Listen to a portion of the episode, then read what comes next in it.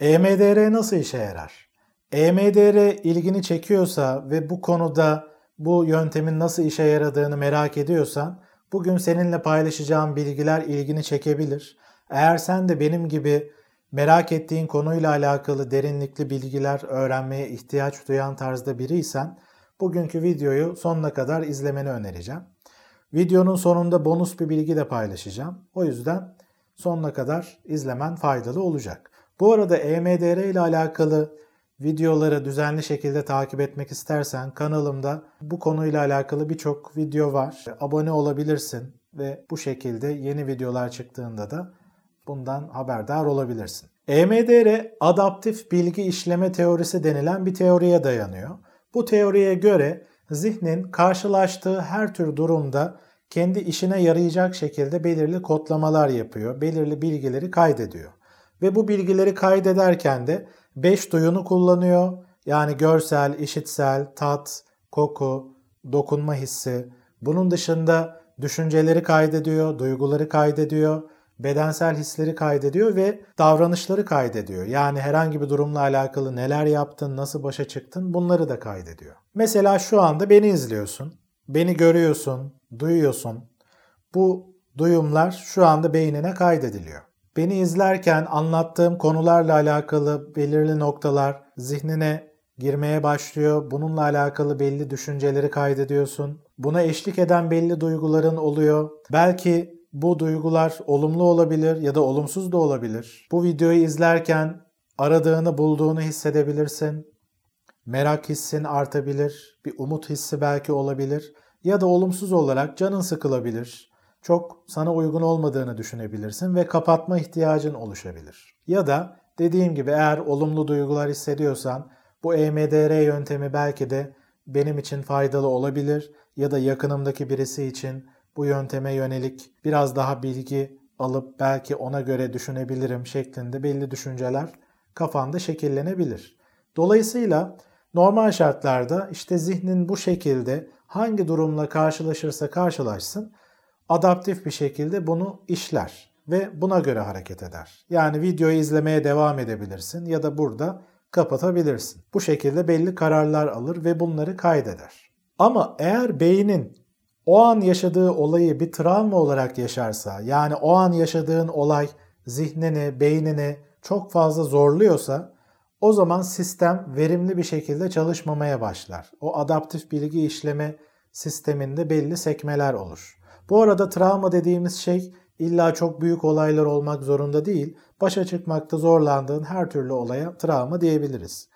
Bu gibi travmatik olayları yaşadığında işte o noktada sistem verimli bir şekilde çalışmıyor.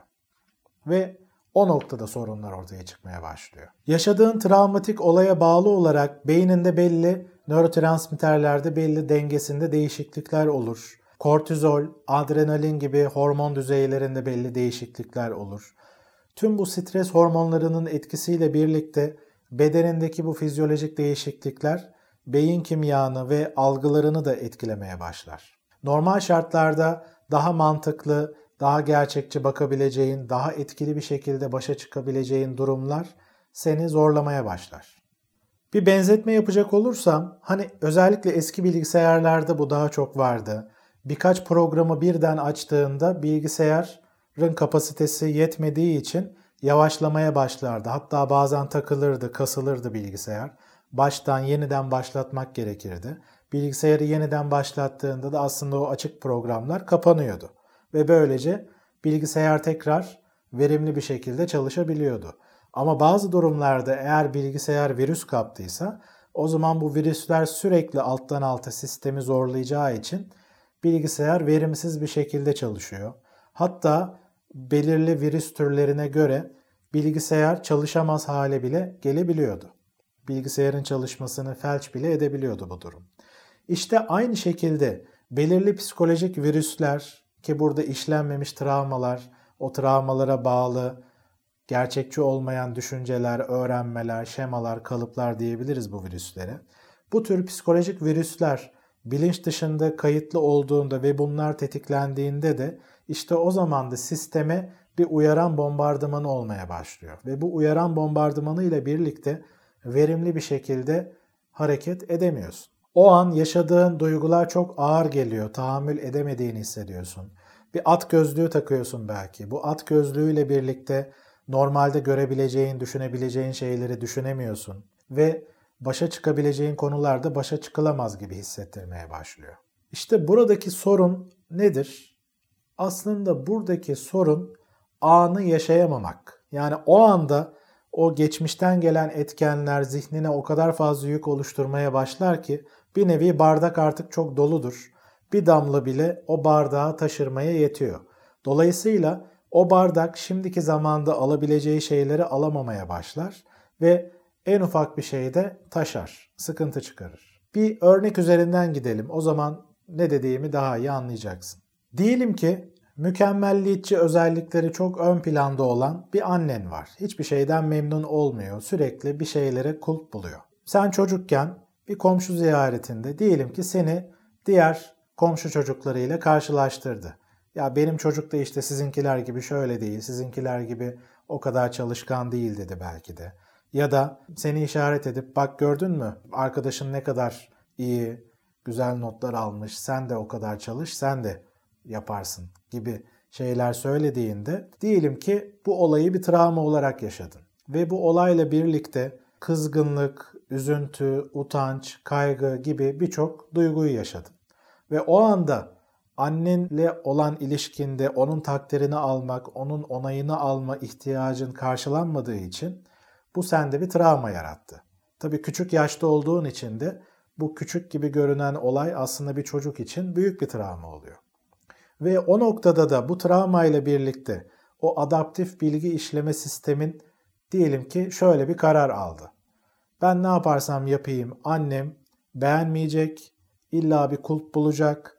O zaman benim kendimi bu kadar yormama, zorlamama gerek yok. Zorlasam, yorsam bile her seferinde hayal kırıklığına uğrayacağım. Çünkü anneme bu yetmeyecek. O yüzden de çok fazla çalışmayayım. O kadar da fazla kastırmama gerek yok deyip ortalama notlar almaya başladın diyelim ki ve o kadar da çok çalışmadın. Sadece sınav günlerinde yumurta kapıya dayanınca çalıştın ve bundan dolayı da o kadar yüksek performanslar göstermedin diyelim ki. Ve bu şekilde de diyelim ki yaşamını sürdürdün, yetişkin birisi oldun ve sonra çalışma hayatına girdin. Ve şöyle bir şeyi farz edelim.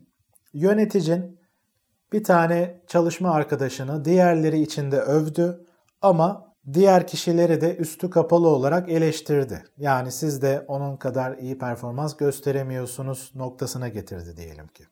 İşte böyle bir deneyimi yaşadığında eğer geçmişteki annenle alakalı yaşadığın deneyimler, mesela komşu olayındaki deneyim gibi deneyimler tetiklenirse o noktada kendini diğerlerine göre daha kötü hissetmeye başlarsın. Yöneticin gözünde kendini değersiz, yetersiz hissetmeye başlayabilirsin.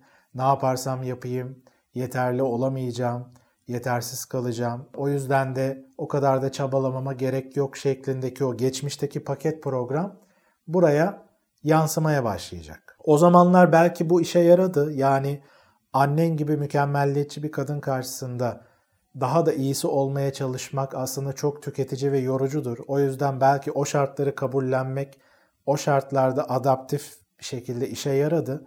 Ama şimdiki zamanda aynı bakış açısıyla bakmak seni sıkıştırabilir. Çünkü gereğinden fazla kendine yükleniyorsundur.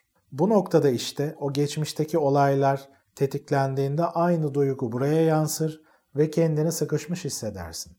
Ve burada daha da kötü olan yaşamını farkında olmadan sabote etmeye başlarsın. Çünkü motivasyonun düşeceği için daha fazla performans göstermek, çalışmak konusunda ya da geri bildirim almak konusunda o düşen performansınla birlikte gerçekten bu sefer doğrudan sen eleştirilmeye başlayabilirsin. Ve eleştirilmeyle de birlikte ben biliyordum zaten. Bak gördün mü işte ben zaten yetersizim düşünceni bir nevi beslemiş olursun. Ama tüm bunlar da bilinç dışı düzeyinde olduğu için farkında olmazsın böyle hareket ettiğini ve kendini bir kurban gibi hissetmeye başlarsın. Buradaki sorun geçmişteki deneyimlerinin halen şimdiki zamanını adaptif olmayan şekilde şu anki zamanı sıkıntıya sokacak şekilde etki etmeye devam etmesi. Beynimiz normalde enerjiyi verimli şekilde kullanmak ister. Dolayısıyla da ne biliyorsa onu tutarlı şekilde uygulamaya çalışır. O an işe yaramadığını görse bile. Ki çoğu zaman da asıl sıkıntı o an işe yaramadığını pek görmezsin. Bununla çok yüzleşmezsin ve bildiğin şeyi devam ettirirsin. Çünkü kafa yormak da ekstra bir enerji, çaba gerektiriyor. İşte böyle olunca da bir kısır döngü halinde o alışık olduğun sistemi bilinç dışı düzeyde devam ettirirsin ve devam ettirdikçe de yaşam kaliten kısıtlanmaya ve oradaki problemler tekerrür etmeye başlar. Hep aynı şeyleri yaşamaya başlarsın. Çünkü aynı şekilde bakıp hareket ediyorsun. Hal böyle olunca da sürekli travmalar birikmeye başlar. Travma üstüne travma yaşamaya başlarsın. İşte EMDR de bu işlenmemiş travmaları işleyerek oradaki o adaptif bilgi işleme sistemini yeniden aktive hale getirmeye çalışır.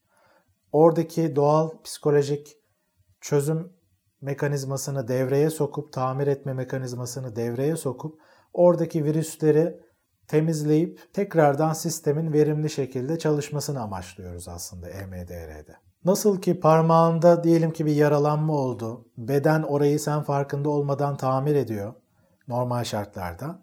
Ama eğer ki enfeksiyon kaparsa o yara yeterince temiz tutmadıysan, sürekli dışarıdan müdahaleler oluyorsa ve yaralanmaya devam ediyorsa, sağlığına, beslenmene yeterince dikkat etmiyorsan, bağışıklık sistemin düşük seviyedeyse o noktada tabii ki o yara daha yavaş şekilde iyileşmeye başlıyor.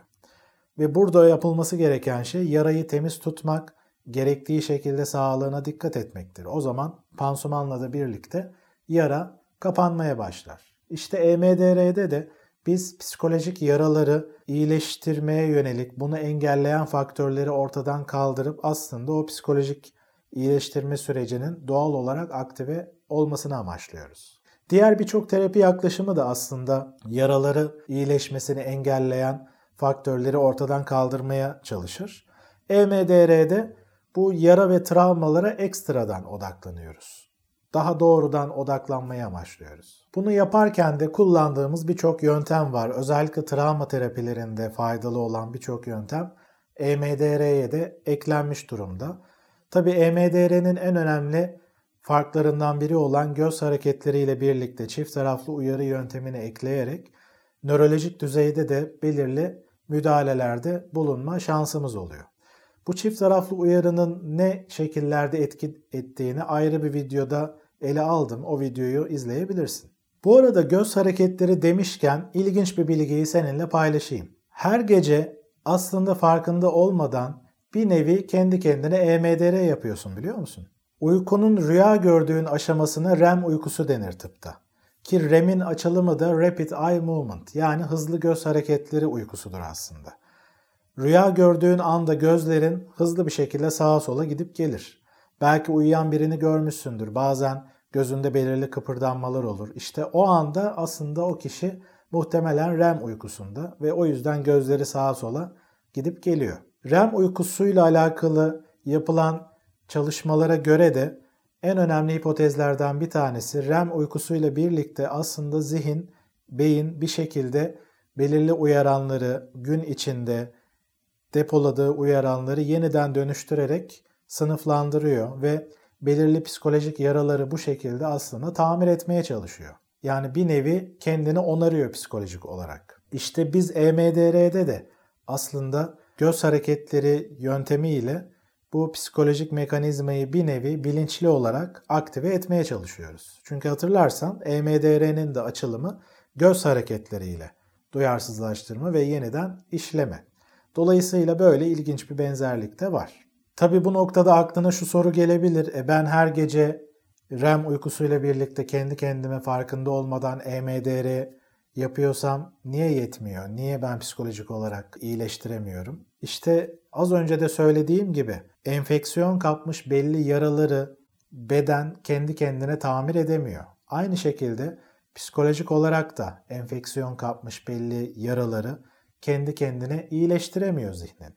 Bu noktada dışarıdan bir pansuman yapmak gerekiyor.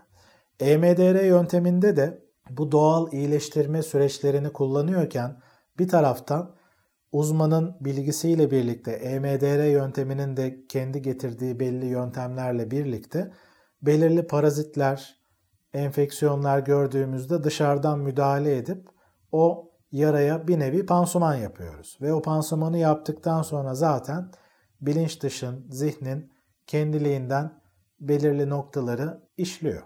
Bu arada EMDR ile alakalı konular ilgini çekiyorsa bu konuda birçok e, videoyu yayınladığım özel bir video serisi var. EMDR terapisi nedir?